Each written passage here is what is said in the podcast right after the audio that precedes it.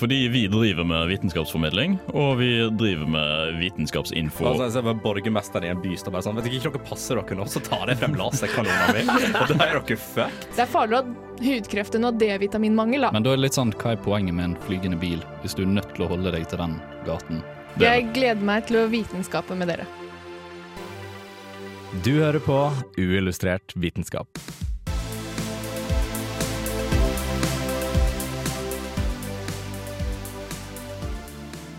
I denne ukas sending av Uillustrert vitenskap skal vi se nærmere på trening i fysisk forstand og psykisk forstand. Hva er effektene av trening? Finnes det noen treningsformer som er bedre enn andre? Og kan vi trene oss til å bli smartere? Hallo, hallo, og velkommen til denne ukas sending av Uillustrert vitenskap. Jeg heter Kristine, og med meg i studio i dag så har jeg Andreas. Hei sann. Og jeg har Martin. Hallo! Og jeg har med en, eh, en ekspert på trening, rett og slett. Å ja. Hei, Erlend. Hallo. Uh, du, eller vi har henta deg inn uh, mest fordi du er kompisen til Andreas, Yep. Uh, men også fordi at eh, du liker å trene. Så det, Og- det lønner seg å være venn med meg. Ja, det lønner seg å være venn med Andreas. Det er moralen i historien. Nei, eh, og fordi at eh, kanskje Fordi at eh, det er eh, greit å få inn synspunkter fra noen som har opplevd dette. Som har opplevd å trene, i motsetning til oss andre. I motsetning til alle oss andre som ikke... nå maler du et veldig fint bilde av hvordan vi er som personer. Og Altså, jeg liker å leve opp til at vi er nerder og gjør ikke noe annet enn å lese bøker, eh, men det stemmer kanskje ikke. Eh, nok om det. Nok om det. Vi skal snakke om eh, fysisk og mental trening, altså trening helt fra topp til tå. Eh, vi skal begynne med fysisk trening, så bare hold dere fast. Eh, men før det så skal vi høre Leg Day, passende nok med Pompoko. Du får det her på Uillustrert vitenskap på Radio Revolt. Hva er den lille prikken oppe i himmelen der? Er det en fugl? Er det et fly? Å, faen! Det er meteor! På Uillustrert vitenskap. Hvorfor trener vi? Godt spørsmål. Jeg skal finne ut av det i morgen.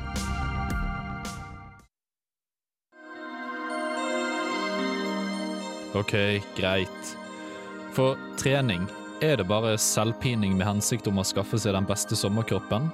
Eller har det også noen helsemessige fordeler, både fysisk og mentalt? Og hva med tenkeboksen oppi hodet? Hvordan trener man den? Først litt perspektiv. For det er ingen tvil om at fysisk trening er et ganske populært tidsfordriv blant nordmenn. Rundt 800 000 av oss har medlemskap på ett eller flere treningssentre. Et betydelig tall, selv om ca. 15% av medlemmene sjelden møter opp. Og vi driver ikke bare med trening, vi ser også på andre som driver med trening. Så populært er det at langrennsløpere som sikler seg over mållinjen, tar presedens over episoder av MacGyver på TV-kanalene. Og en halv million nordmenn så finalen i fotball-VM. Selv om det vanligvis bare angår oss fram til kvalifiseringsrunden er over. I tillegg til fysisk trening har vi mental trening, hvor vi ser ut til å være låst til uttrykk som klisterhjerner, mattepersoner og flinke piker. Men er det virkelig så absolutt? Og kan man meditere seg fram til bedre fysikk og mentale evner? Det er heller ikke uvanlig at reklamer påstår at å konsumere deres produkter vil gjøre deg stor, sterk og smart, og internett er full av artikler med enkle steg til å både bli sterkere og smartere. Så det finnes også et marked for snarveier. Trening kan være så mye rart, men kanskje vi kan hjelpe med å finne fram i denne jungelen av meninger og fakta. My name is Dr. Donna Nelson. I'm a professor of chemistry at the University of Oklahoma, and you're listening to Unillustrated Science. Det stemmer, du hører på Uillustrert vitenskap, og vi er tilbake med trening. Takk for introduksjonen, eh, Martin. Det Jo. det meste av det vi kommer til å snakke om i dag. Eh, Men først så glemte jeg jo helt at eh, du har jo ikke vært med oss før, Erlend. Eh, Så derfor så lurte jeg på om du hadde en fun fact til oss? selvfølgelig har jeg det. Jeg kommer ikke uforberedt til uillustrert vitenskap. Det ville jeg aldri gjort. Eh, det, fun facten min har paralleller til trening. Den har litt med svette å gjøre også, faktisk. Gøy. Eh, det er faktisk det eneste den har til felles med trening, men eh, det er kanskje nok. Jo, mennesker er ikke de eneste som bruker solkrem. Nei. Ba, Nei. ba, ba. Hvem andre gjør dette? Eh, jo, nå skal du høre. Eh, det skal sies at solkrem er br et bredt begrep i den sammenhengen her. Ja, ok, så, så det er faktisk ikke kjøpt seg en flaske på butikken? Uh, nei, de fleste dyr sliter med det, faktisk. Skjønner ikke konseptet valuta. Uh, det vet ikke jeg noe om, jeg har ikke snakka med så mange. Men det vi i hvert fall vet, er at f.eks. griser ruller seg i søle av to grunner. En er å bare kjøle seg ned, for søla er gjerne kald. En annen er at de blir solbrent hvis de er utsatt for sol for lenge. Og det gjelder også andre dyr som har manglende pels. Det er stort sett bare pattedyr, i hvert fall som jeg vet om, Ja. som uh, sliter med det der, at de kan bli solbrent. Du har også flodhesten, som svetter solkrem-ish. At den har svett... Altså, en st eh, ting i svetten er solkrem. Det fungerer i hvert fall som solkrem. Nå, nå er det jeg en business i det her. Vi tar og samler alle flodhestene på ett sted, og så har vi en flaskemaskin som flasker solkrem uh, i hermetegn, og så selger vi det. Beste businessideen. Ja, Har du lyst til å smøre flodhest. deg inn med flodhestsvette? Ja, en million i det, dette. Yeah. Ja, altså Det er jo 100 naturlig. Ja, sant? Det selger. Økologisk. ja, Ja. veldig bra. Nypresset. Nypresset. Nypresset. Ja, eh, apropos svett. Nå skal vi gå tilbake til trening. Eh, fordi eh, Det var en god fun fact, forresten. Tusen takk. Veldig glad eh, for det. Trening. Trening. Trening. Eh, det har seg sånn at det er noen som blir veldig glad av trening. Mhm. Og så er det noen som ikke kan forstå hvordan disse menneskene orker å dra seg av gårde på et treningssenter for å svette i samme rom som andre. Eh, og så er spørsmålet hvorfor er det noen som blir glad av trening, og hvorfor noen bare syns det er styr og ordn. Eh, ja, Ja, altså Umiddelbart så tenker jeg jo det må være pga. hormonutslippene du får. Altså Du får litt sånn lykkefølelse eh, fordi du mestrer noe, du løfter noe. eh, og setter det fint på plass igjen, og rydder etter deg sjøl, selvsagt. Fordi det gjør alle flinke mennesker som er på treningssenteret. Eh, men altså du får den, den hormonfrigjørelsen da, som gjør deg litt lykkelig, er poenget. Jo, men hvorfor får ikke alle den? Altså Av å trene, eller av å ikke trene? Av, av å trene, fordi det er jo mange som også ikke føler den lykkefølelsen etter trening. Og de er sånn Men Du, hva er galt med, alle, hva er galt med meg som ikke liker dette? Uh, jeg vet faktisk hvorfor. Ja. Ja, Det er rett og slett fordi at enkelte treningssenter de har ikke vekter med farger på. Åh, Fordi jeg har trent på treningssenter med vekter uten farger. Det, det, det Da blir jeg deprimert. Ja. Men- var det òg speilløst og uten vindu og alt mulig? Nei, speil pleier det som regel å være, Ja. men det hjelper jo ikke Når det er ingen farger? er ingen farger Nei, okay. å speile seg med. ja. ja. Det er det viktigste for deg. så, Eh, ja. så hvem av oss hadde mest rett? Jeg, jeg vet ikke om det er noen av dere. Fordi at greia er at det, Ja, selvfølgelig, det er noen som får en glad godfølelse av å trene, men det er ikke alle som får det. Eh, og det er noen som har lurt på Ok, hvorfor er det sånn, hvorfor er det ikke sånn. Så har de forsket på det. Og så er det funnet ut at det, de som er glad fra før av, altså de som er positive, sprudlende mennesker, blir ofte veldig glad av å trene. Um, de som har gode assosiasjoner til trening fra tidligere i livet sitt, eller fysisk bevegelse, bare sånn generelt. Eh, barn som har vært mye aktive, trives ofte bedre med trening når de er voksne, enn det eh, folk som ikke har vært så aktive. Men hvor kommer det altså, og Jeg tenker også, eh, Det er ikke helt relatert til det, der, men litt grann tilbake til spørsmålet om hvorfor noen blir lykkelige og ikke lykkelige. Så tenker jeg også, Mestringsfølelsen må jo være viktig. Du må jo føle at du får til dette her, at du får et utbytte av det. Ja, mestringsfølelsen er viktig. Det er også en annen sak. Det er Ja. ikke bare det at man har, vært, eh, har en positiv opplevelse med det, men da er det mye enklere for Altså, det er mye enklere å ha, bli glad av trening hvis du har hatt en positiv opplevelse før. Eh, og hvis du setter deg realistiske mål og oppnår de målene du setter deg, og da er det viktig å ikke sette seg for store mål, sånn at du bare tar deg fire år å oppnå de. så det er drevet av nostalgi. Både òg. Kanskje. Det? kanskje. Det, eller bare gode assosiasjoner. Eh, så det, men det var jo også det at det var noen som viste seg det at de som Altså de som trente eh, for hardt, ikke fikk den godfølelsen, da. Eh, sånn at det gjelder å holde det på et rolig nivå. Du er nødt til å moderere det, Fordi ellers brenner du deg sjøl ut.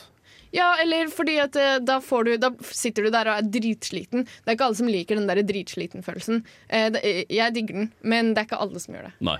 Eh, så det er også litt sånn eh, personlig. Eh, og så er det det med eh, Jo, så det er det at det er en opp, oppadgående spiral, da. At de som gjerne hadde det bra fra før av, eh, går og trener, får det enda bedre, og så er det en opp, oppadgående spiral. Eh, men det er en spiral som ikke går nedover, hvis du syns det er kjipt å trene. Nei, du, du blir ikke mer lei deg av å trene dersom du er lei deg av allerede trene. Jeg tror, jeg tror ikke det er sånn. Det holder seg ganske stasjonært. Da tror jeg det holder seg ganske stabilt. Men det er jo en sunn form for stressmestring. da. Ja. Eh, så hvis man finner ut at dette kan jeg mestre stresset mitt med, så blir det jo en mestringsfølelse, og da blir det bra. Da blir du glad. Og så er det jo også noe som er enkelt å mestre i hermetegn dersom du setter deg sjøl realistiske mål i forhold til hva som er fornuftig for deg sjøl. Ja, det er også sant. Som kan veldig lett gi en positiv boost. eh, generelt ellers i livet. Ja, Ja. definitivt. Eh, så eh, hvorfor blir noen glad av å trene? Jo, fordi at det, det var eh, bra for deg. Det var bra for deg. Ja. Ja. Og hvorfor blir du ikke glad for å trene? Kanskje du har for høye mål? Prøv å sette deg eh, målene dine ned. Eh, ja. Ja. Men er det, er det noe, altså, nå er vi inne litt på fysisk trening. og sånt. Er det noen former for fysisk trening som er bedre enn andre? Det spørs hva du skal trene, kanskje. Ok, men okay, Er det noen former som er bedre for uh, lykkefølelsen enn andre? Nei, det tror jeg ikke. Nei. Bare så Eh. lenge du beveger deg, så er det bra? Jeg tror det er så lenge du beveger deg så bra. Og så er det noen som bare ah, styrke er best. Eller så er det noen som er sånn ah, utholdenhet er best. Ja. Du har jo den gjengen som eh, holder til bort på eh, sykehuset her, som jobber med fire ganger fire intervaller. Og de mener at utholdenhet er best. Ja. De mener at det hjelper egentlig ikke å trene i det hele tatt. Men det er jo den forskningsgjengen som har jobbet med disse prosjektene, da. Eh, ja, og, og det, de har, eller det jeg tror, er at de har Det er noe jeg tror, men det er at eh, det er eh, så mye forsk... Altså, de har forsket på at disse intervallene skal være bra for deg. Eh, nå er vi eh, bare over til fysisk bra for deg, ikke sånn 'dette blir du glad av, bra for deg'. Eh, og så har de på en måte forsket på det, og så har de funnet ut at det er bra for deg, men de har ikke forsket på det at styrketrening er bra for deg. Og hadde de gjort det, så hadde de sannsynligvis funnet ut at det er bra for deg, det òg. Ja, for de har sammenlignet uh, trening og demens, eksempel. Og da hadde styrke en, en liten effekt på det å skal vi si, forebygge demens, mens utholdenhet hadde nesten ingen. Og, Så der, der hadde styrke en viss fordel, men det var jo ikke sånn enormt. en, en, kanskje en liten fordel. Ja. Uh, og så er det jo også sånn Skal du alltid sitt, på en måte. Skal du, for eksempel, skal du gå ned i vekt, så går du mer ned i vekt på kort tid hvis du jogger, men du går mer, mer ned i vekt, og, og kanskje også igjen litt opp i vekt hvis du eh, trener styrke. fordi at det å ha masse muskler, det å bare bære på alle disse musklene, eh, som krever masse energi å bare eksistere, de eh, Det brenner jo også en del kalorier sånn i generell metabolisme, men det tar jo litt lengre tid, da, og muskler veier jo også mer enn fett. Så det er jo folk som går ned i vekt, og så begynner de å trene styrke, og så går de opp i vekt igjen. Men det er jo på en måte, da har du gått fra å være feit til å ha, eh, være en muskelgutt. Eller jente. Eller, jente. jente. Ja. ja. rett og slett. Vi, vi diskriminerer ikke her. Nei. Så eh, det som egentlig har blitt konklusjonen, er at så lenge man trener, så er det bra for deg. Så lenge du gjør et eller annet fysisk, så er det bra for deg, samme hva det er. Og da er det ikke så mye å si hvilken type trening det er. Bare gjør noe, rett og slett. Det er konklusjonen. Det er Med måte. Ja. Med måte. ja, Ja. for det bringer oss på det neste vi skal snakke om. Ja, Yes. fordi eh, hvis du trener for mye, så kan også det kanskje ha noen effekter. Eh, det skal vi snakke om etter vi har hørt Stuff med Slutface. Du får det her eh, på Illustrert vitenskap på Radio Revolt.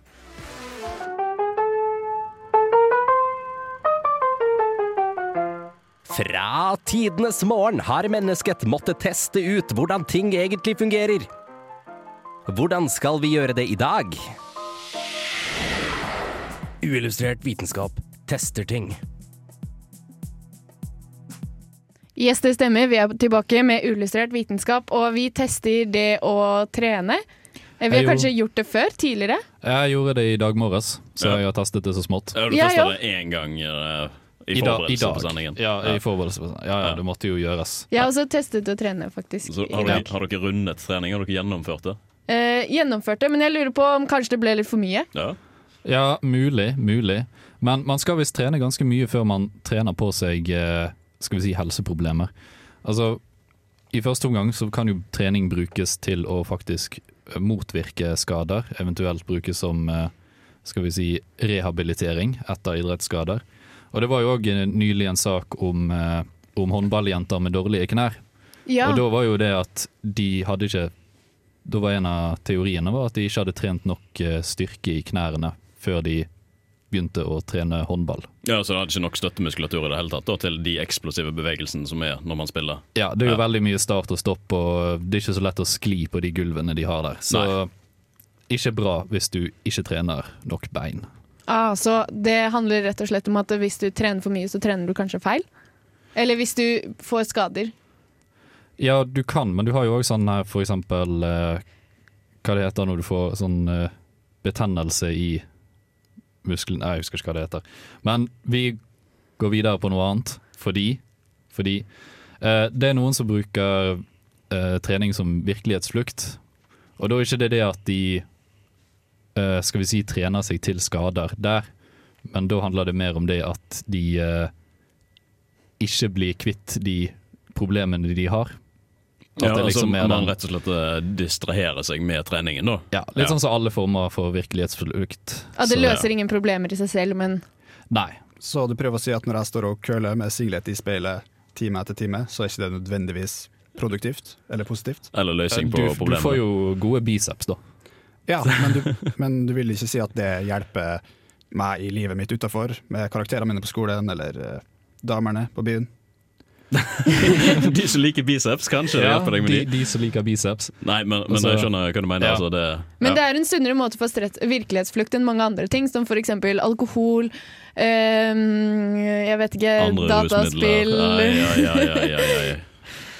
Andre, ja, eh, rusmidler, da. Helst. Eh, er dataspill et rusmiddel? Eh, Nei. nei, men en uh, virkelighetsflukt. vi har jo snakket Det det. om eh, det at eh, man har fort, eh, gjort for å bli avhengig av dataspill hvis man bruker det veldig veldig mye, sånn veldig mange timer i døgnet, og det er det eneste du gjør, eh, så kan det også være usunt. Eh, og da starter det ofte med at man flykter fra virkeligheten med å spille dataspill. Da. Det har vi snakket om før. Ja. Men litt tilbake til dette med trening. Eh, Ja. altså, hvordan kan du vite at du har trent for mye? Da? Altså, Én ting er når man har trent feil, eller ikke trent eh, opp nok støttemuskulatur til at man kan forebygge skader på en annen treningsform. Altså, hvor mye, hvordan, hvordan teller man trening? Er det noen som vet det? Eh, det er en ting jeg syns er ganske interessant, faktisk. Ja. Mm. Kvantifisering av trening, spesielt eh, styrketrening. Fordi hvis du ikke trener for å se bedre ut naken i bra belysning, så skjønner jeg ikke hvorfor du trener. Eh, ja. Nei, fordi det er liksom eh, Hvor mye skal jeg gjøre? Én ting er jo å trene for mye. Ja. Det merker man jo. Litt, Eh, litt eh, vondt her og der. Ja, hvis senda di ryker, da har du trent for mye. Hvis du bare ikke kommer deg ut av senga om morgenen, eller ja Det kan fort hende at du bare er veldig deprimert. Men også, Tisser du brunt, da har du trent for mye. Da burde du skynde deg til sykehuset. Har jeg hørt. Ja. Da kan det være tilfeller av Mm. Ja. Men så Men så, jo.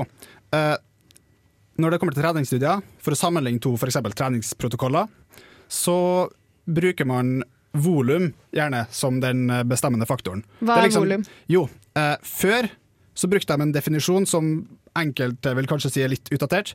Tonnage på engelsk, som ja, hva man skal oversette med, belastning. Ja. Uh, reps ganger vekt. mm, Men det som gjerne er populært å bruke nå, det er antall tunge sett. Ja, altså Oppvarmingssett teller ikke, for eksempelvis. Uh, nei, det Nei. burde være ganske utfordrende. Uh, poenget da er at hvis man sammenligner to treningsprogram, ett med, la oss, si, la oss si at vi bare sammenligner biceps, så tar én person eller én gruppe personer og trener fem tunge sett i uka. Det er gjerne ukentlig man bruker. Ja.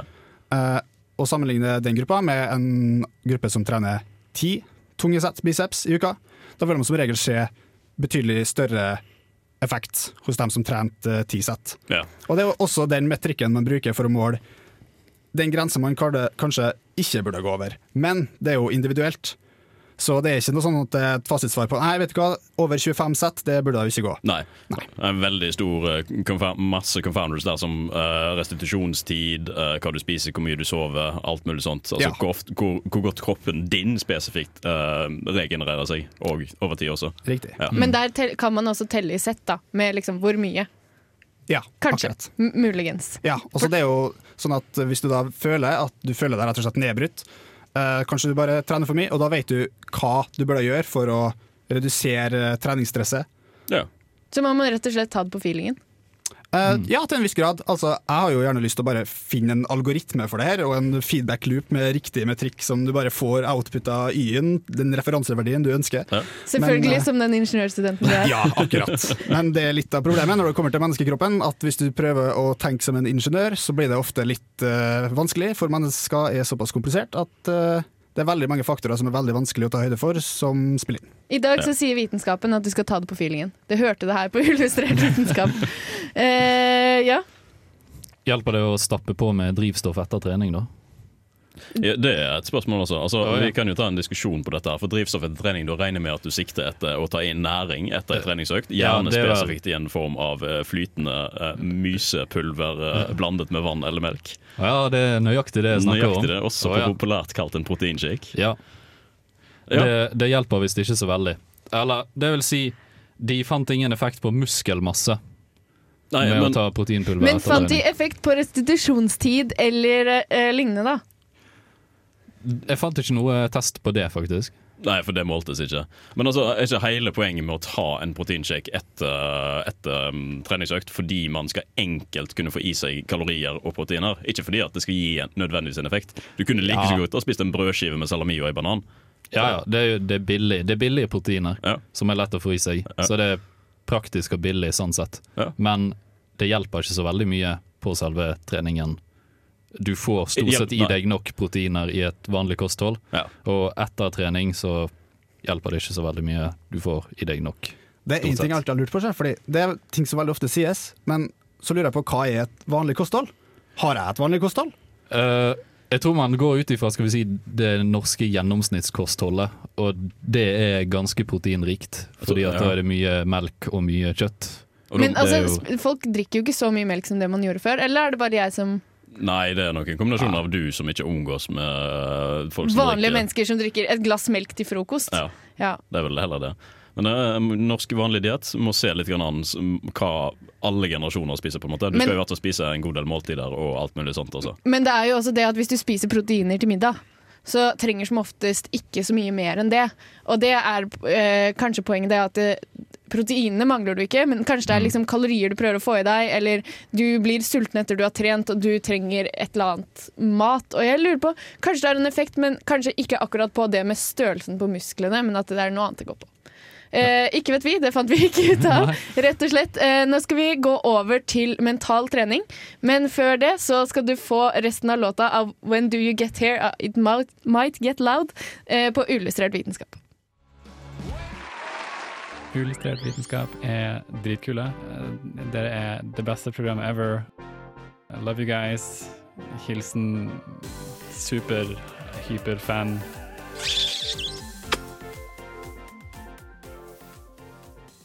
Tusen takk, Tor Magnus. Det var veldig hyggelig. Vi er tilbake på Uillustrert vitenskap, og akkurat nå så skal vi snakke om mental trening, men kanskje ikke akkurat sånn som man har tenkt på det før. Nei. Eh, Det er læring det går i. Det blir vel i hovedsak på læring, for læring er litt sånn mentaltrening. Man tenker jo også mentaltrening er uh, du skal bli, bli et bedre menneske, du skal forbedre deg sjøl og meditere og trene og alt mulig sånt. Og jeg trengte sånn puzzle, så jeg, sånn eh, app med sånn eh, spill. Ja, eller den slags greie. Men altså, generelt læring er litt grann på det å trene mentalt. Eh, fordi eh, måten man lærer på, er det at man har eh, ja, nevroner og nerveforbindelser i hjernen på en måte, som knytter sammen og overfører minner eller informasjon til hverandre. Og jo mer du bruker disse her eh, stiene, som det kan kalles, jo, jo raskere eh, eller jo bedre husker du ting. Som er liksom, det er liksom den kort fortalte måten. Eh, en kan se på det som en veldig enkel ting å sammenligne med, er eh, reiserute. Dersom du skal reise fra A til B første gangen, så må du konsentrere deg litt ekstra mye for å huske veien og alt mulig sånt. Mens når du reiser der eh, tredje, fjerde, femte gangen, så trenger du ikke tenke så mye på det, fordi da er disse her forbindelsene så sterke at du allerede husker eh, hvordan du kommer dit. Eller ja, eh, ja minnene dine er sterke og knyttet og forbindelse. Og dette går litt grann på òg eh, trekker vi litt grann ut igjen og går litt grann tilbake, og så ser vi på uh, det med at noen personer er en type person, f.eks. Som man ofte hører når man er ung, uh, på barneskolen eller på ungdomsskolen eller videregående. at Ja, du er en person som kan matte, du. ja, Og du bare kan det. Ja, Og du er bare født sånn. du er bare en matteperson, eller du er ikke en matteperson. Jeg valgte å studere språk fordi jeg ikke fikk til realfaget og sånne ting som det her. Og der er jeg, jeg Nå er det litt sånn uh, meninger her, egentlig. Fordi jeg er uenig i dette her. Man er ikke bare én person. Man, man kan være den personen man har lyst til, men det tar tid å gjøre det. Ok, så du er egentlig Altså, du er kanskje født med en evne til å lære deg en spesifikk type ting enklere. Som for eksempel du er født til å lære deg matte enklere enn språk, da, eller motsatt. Eh, men det er en evne du kan trene opp, men da blir det vanskeligere for deg. Nei, ikke, direkte sånn som jeg mente det. Altså, Alle har ja, en predisposisjon for noe enklere, basert på, uh, litt på arv, selvsagt, men òg i aller største grad på miljø. Hva du blir stimulert for som barn, hva du blir stimulert for som, uh, i læringsprosessen, hva som tikker dine bokser hele veien. Og disse tingene her er med på å positivt forsterke disse her uh, nerveforbindelsene, nevronene, og bare styrke den egenskapen. Så dersom du blir, får masse positiv reinforcement på at du er flink til matte, og sånt, og du liker matte og du elsker mestringsfølelsen, så forsterker det seg og bygger seg opp, og du fortsetter med dette i resten av livet. Men det betyr ikke at du ikke kan lære deg noe annet. Også. Du må bare trene opp disse forbindelsene, sånn at du kan gjøre det. Det var poenget. Ja, ok, Så egentlig så er det mest fordi at du får denne positive følelsen av å få det til i starten. Du må, du, må, ja, du må, finne deg en gulrot, da, er hele poenget. Ja. Altså, sånn, gjøre dette. Og det tar lang tid å opparbeide disse her uh, forbindelsene. For du trenger repetiv trening på det, du trenger repetiv øving på det. Man kan også se på uh, å bryte ut ifra et tankemønster man gjerne sitter i. Det er noe som veldig mange som studerer psykologi ser litt på også. Uh, det å bryte seg ut av et depresjonsmønster, f.eks., eller å bryte seg ut ifra et, ja, en uvane du har. Det tar lang tid med hardt arbeid å gjøre. Og det er litt det samme dette her. Du må på en måte først overbevise deg sjøl om at uh, du er kapabel til å gjøre disse endringene, og ikke minst at du vil gjøre disse endringene. Og så må du trene og trene og trene på dette til du har disse forbindelsene klar, og det kjennes lett og naturlig ut for deg. Ja, for det er jo litt sånn øvelse. Jeg har, uh, for litt siden så skulle jeg lære meg statistikk, og det er veldig lenge siden jeg har drevet med matte. Uh, og da var det helt annen måte å tenke på som jeg var helt uvant for meg, så derfor det var veldig vanskelig. Mm. Er kanskje det du mener, at det, det, er en annen måte å tenke på. Du må bare lære deg det, så går det bra. Altså, du må komme deg inn i den måten å tenke på, og når du først har kommet deg inn der, så er det lett. Ja, altså, ja, Eller kan bli kan lettere. Bli lettere ja. Fordi, fordi, man har minner assosiert til uh, pensum, f.eks. Og disse minnene fungerer litt som knagger som du har forskjellige steder i huset ditt. Så henger du forskjellige ting oppå de. Ah, hvis jeg husker at den skal der, så husker du den for, uh, formelen, f.eks. For Eller hvordan du skal bruke det. Og um, dette her uh, Angående dette her med på en måte å ikke sette deg sjøl i en barriere og si at du ikke er en matteperson, det er noe som eh, blir til en viss grad praktisert i undervisningen også i dag. men ikke av alle sammen, fordi det er veldig mange som tenker at man er én type person. Det er en barriere eller en stigmat ikke stigmatisering, men en stereotype som man gjerne har satt av seg sjøl. Men det er så lett å leve i en bås, Fordi at da vet du hvor du har deg sjøl. Ja, kjempelett. Mm. Ja, Dette ble jo en greie da de økte kravet for å komme inn på lærerstudiet. Ja. At du måtte ha fire i matte. Da ble jo det en stor eh, diskusjon. Altså, da var det jo mange som mener at vi er ikke mattepersoner. Hvorfor skal mattekarakteren min telle? Det, det, Og det blir en litt sånn Og så blir det sånn ja, men du kan bli en matteperson. Ja, ja. ja jeg syns det, det, er et dårlig argument, altså fordi man kan lære seg uh, den matten som kreves. I tillegg så er det å trene seg til den opp til en firer i matematikk er en god måte å lære seg å løse problemer på en annen måte enn det du er vant til å gjøre på. Rett og slett å trene opp nye uh, stier som du kan bruke til problemløsning, og få et videre perspektiv på hele greia. Ja. Uh, um, en, ja, det, det, var et studie på dette her med å lære seg det som kalles for um, Skal vi se hva var navnet på dette. Uh, og ikke sette seg sjøl i en bås-trening, på en måte, er Det er et studie som ble gjort, og det viste seg at uh, Hva var det? Uh, all, målgruppen klarte å øke sin karakter med 3 prosentpoeng ved å på en måte vite om denne her, um, at du ikke er i en bås nødvendigvis. Mm. og det har vært veldig mye problemer, for dette er et sosiologisk studie. Det er mange mange confounders her som er i konflikt med hverandre. Står du her igjen og disser ja, ja, ja. Altså. Myke studier, soft science og dette, det er vanskelig studie. Jo, men du kan ikke altså det er ikke alle studier du kan drive og benekte for resultatene pga. Nei, jeg benekter ikke på det. Jeg syns det er fint å kunne lese dette. Jeg sier at det er vanskelig å kunne påpeke noe håndfast ut ifra det. Eh, fordi nettopp det er så mye confounders, og du klarer ikke å re recreate dette her. Eh, men eh, da kommer det òg sånne grunner som altså, Grunnen til at man ikke klarer å recreate dette, er jo fordi man har gjerne en målgruppe som er annerledes Nei, en testgruppe som er annerledes enn første testgruppen. For hvem skulle tro mennesker er forskjellige? Og den gruppen ikke klarer å lære seg på samme måte som andre. Jo, men tar du mange nok mennesker, så mister du jo den effekten, da. Ja, hvor, hvor mange skoler er det som har mange nok mennesker til å ta, uh, gjenskape en cohort-studie med 60 000 personer? Nei, men på 60 000, da, da, da Du er du det ganske dekka. Ja, du er, ja, sant, men dette her ene studiet, det er fint, det sier jeg. Uh, det er gjenskapelsen som er problemet. Ja. Uh, men uh, grunnen til at det ikke funker, kan jo være det at uh, blant annet at studentene allerede vet hvordan de skal lære på denne måten. De vet at læring tar tid, og er ikke eksponentielt, eller plutselig så sier det klikk. Eh, det tar gradvis lengre tid, og kanskje i starten så er det sånn at du får det ikke til uansett. Uh, og uh, en veldig typisk ting som veldig mange på universitetet tenker seg òg, som går litt på den jeg er ikke matteperson, er at de ser at sine like uh, jeg si, sine medstudenter får til ting med en gang. Tilsynelatende med en gang. Og det er jo gjerne òg fordi de har trent veldig mye på det, og så sitter du der og føler at du ikke har samme progresjonen. Så sånn, nei, du tror ikke på at du klarer det likevel, så faller du av igjen. ja, så det handler om det å ha troa også lite grann. Ja. Det å ha troa på seg selv. Fordi det er jo det er noen som påpekte det en gang. Eh, det er et godt poeng det at eh, hvis du sitter i en gruppe og diskuterer med folk, så er selvfølgelig hele den gruppen til sammen mye flinkere enn deg alene. Fordi at de er flere, og du er deg. Eller ja, én. Eh, men eh, individuelt så ligger det omtrent på samme nivå, selv om alle har inntrykk av at alle andre kan mer. Eh, og det er et sånn medisinstudentfenomen, da. At eh, du føler at alle andre kan mer enn deg, men så har det seg bare sånn at de har lest på noe annet. Sånn at sa gruppens samlede kunnskap er mye større. Ja. Eh, og det er jo gjerne sånn når man begynner å tenke i de baner, da. At, eh, mm. Men nå skal vi gå videre over fra læring til meditasjon. Er det også trening? Det skal vi finne ut. Uh, før det så skal vi høre Green Eyes med Chris Cohen på Uillustrert vitenskap på Radio Volt. Vitenskap er kjempegøy, og derfor er også uillustrert vitenskap kjempegøy. Det er kalas, for å si det sånn. Her på Radio Revolt. Vet du hva annet som er et kalas? Nei. Det er å meditere. Nei, jeg vet ikke, jeg syns det er ganske kjedelig. eh, men Du, du har jo ikke tålmodigheten for shits eh, til å gjøre det heller. Nei, det, det er sånn det, Etter jeg leste om dette, så tenkte jeg oi, dette, kan, dette må jo være bra for meg. Ja. Og så skulle jeg liksom eh, meditere litt, og så er det sånn mm, Jeg gidder ikke. Liksom sånn som mange ofte har med trening. At det blir sånn Nei, ikke i dag. Ikke i dag. Eh, men det handler kanskje om å sette inn i en vane, da. Men eh, så er det sikkert noen som sitter der og tenker meditering, er det en type trening?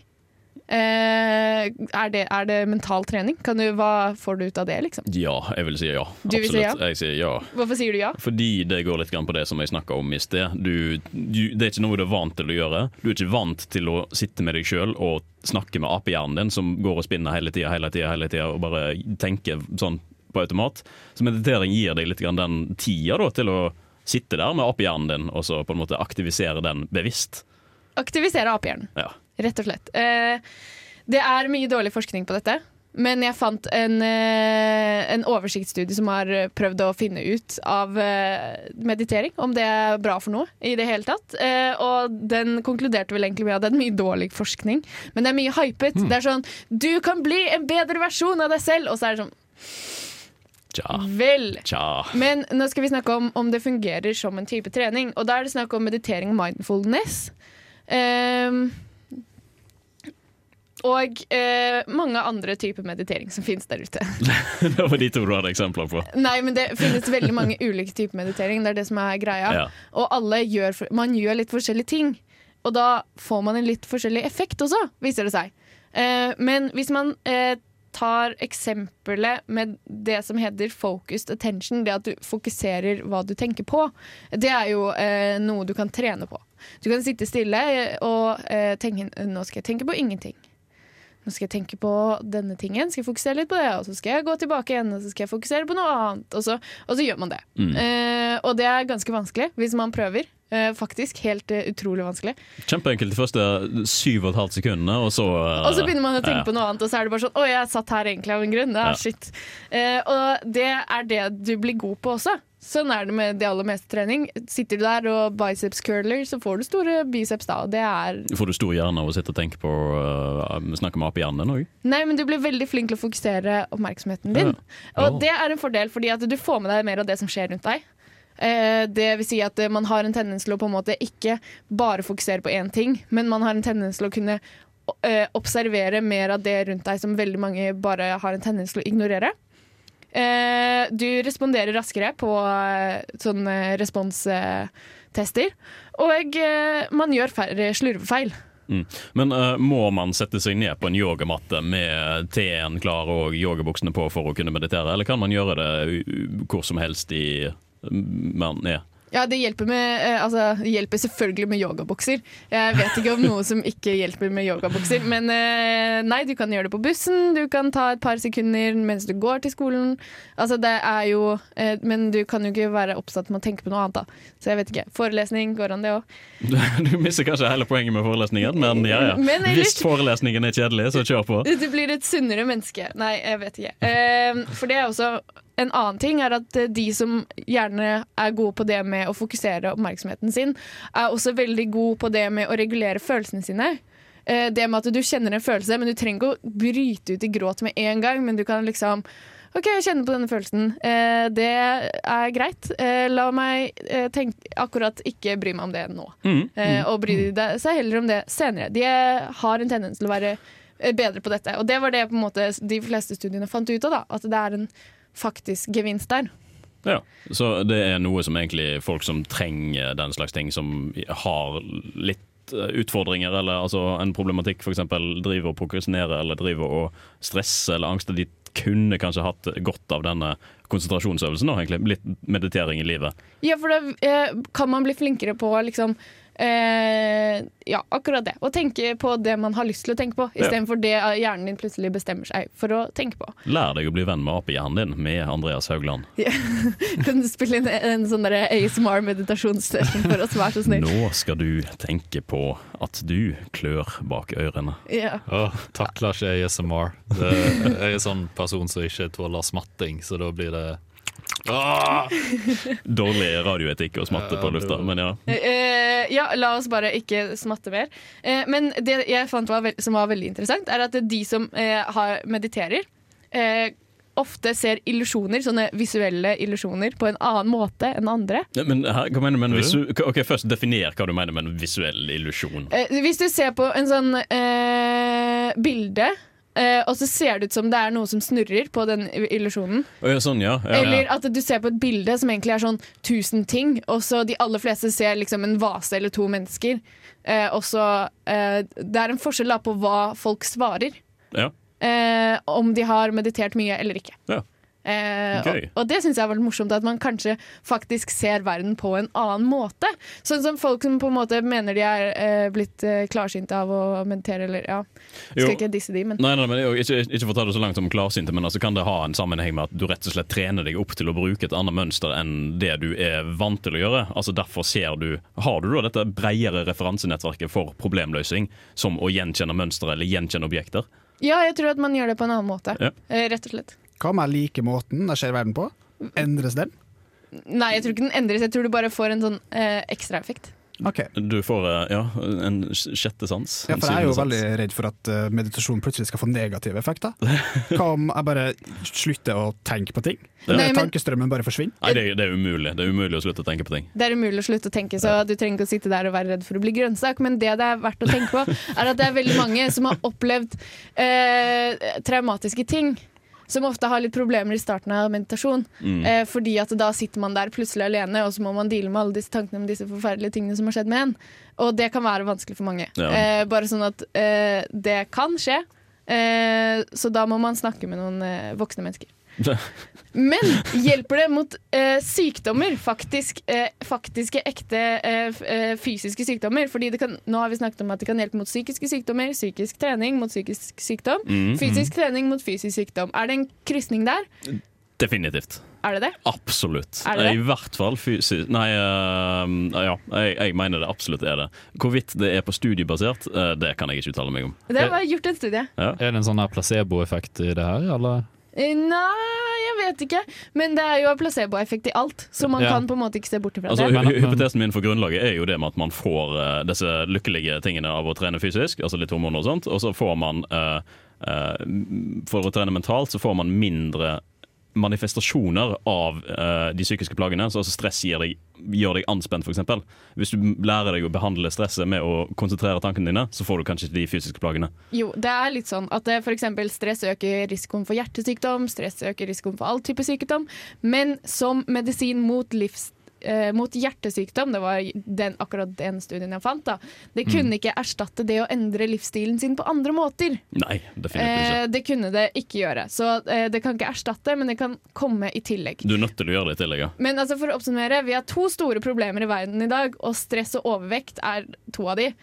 Eh, og du kan meditere mot den ene, og du kan eh, jogge eller eh, løfte noen vekter for den andre. Men det er så vondt å endre på livsstilen sin, Kristine. Ja, det eh, er ikke mitt Det problem i dag. Du er lege snart. Det, altså, Det kan være vondere å la være. Ja, jeg, jeg, jeg, jeg kommer med løsninger Ja. og, og finner problemer. Det er noen andre sitt problem. Ja. Eh, vi eh, er snart ferdig med sendingen i dag. Vi skal bare runde opp, men det gjør vi etter vi har hørt eh, Under deg med nummer fire. Du får det her på Uillustrert vitenskap på Radio Revolt.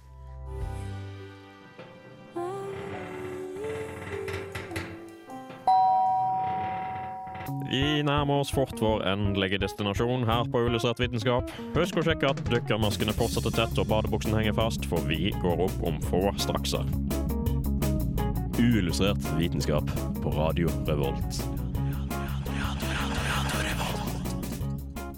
Det stemmer. Jeg håper at badebuksene deres fortsatt er på. Eh, ikke noe galt i å ha de av heller, for så vidt. I Eh, offentligheten har de på, Ha de hvis på. du er et sted å bade. Eh, ja, men akkurat nå så bader vi ikke. Vi har snakket om trening. Eh, så ikke hold badebuksene på mens du trener. Hold treningsbuksene på. Ja, trene i vann òg. Ja, for så vidt. Både fysisk og mentalt. Men apropos badebukser, vi hadde utesending nå på lørdag. Det var derfor vi ikke hadde sending på tirsdag, som eh, var forrige uke. Ja, det ble mye, rett og slett, å Ja. lage masse sendinger. Den Eh, skal klippes, og den kommer snart. Ja, den kommer snart ut på podkast og på Radio Revolt sine nettsider. Ja. Så stay tuned hvis dere ikke fikk anledningen til å være til stede og høre på, eller høre på oss live. Det var veldig spennende. Vi snakket om havet, hadde masse morsomme gjester som snakket også om havet. Ja.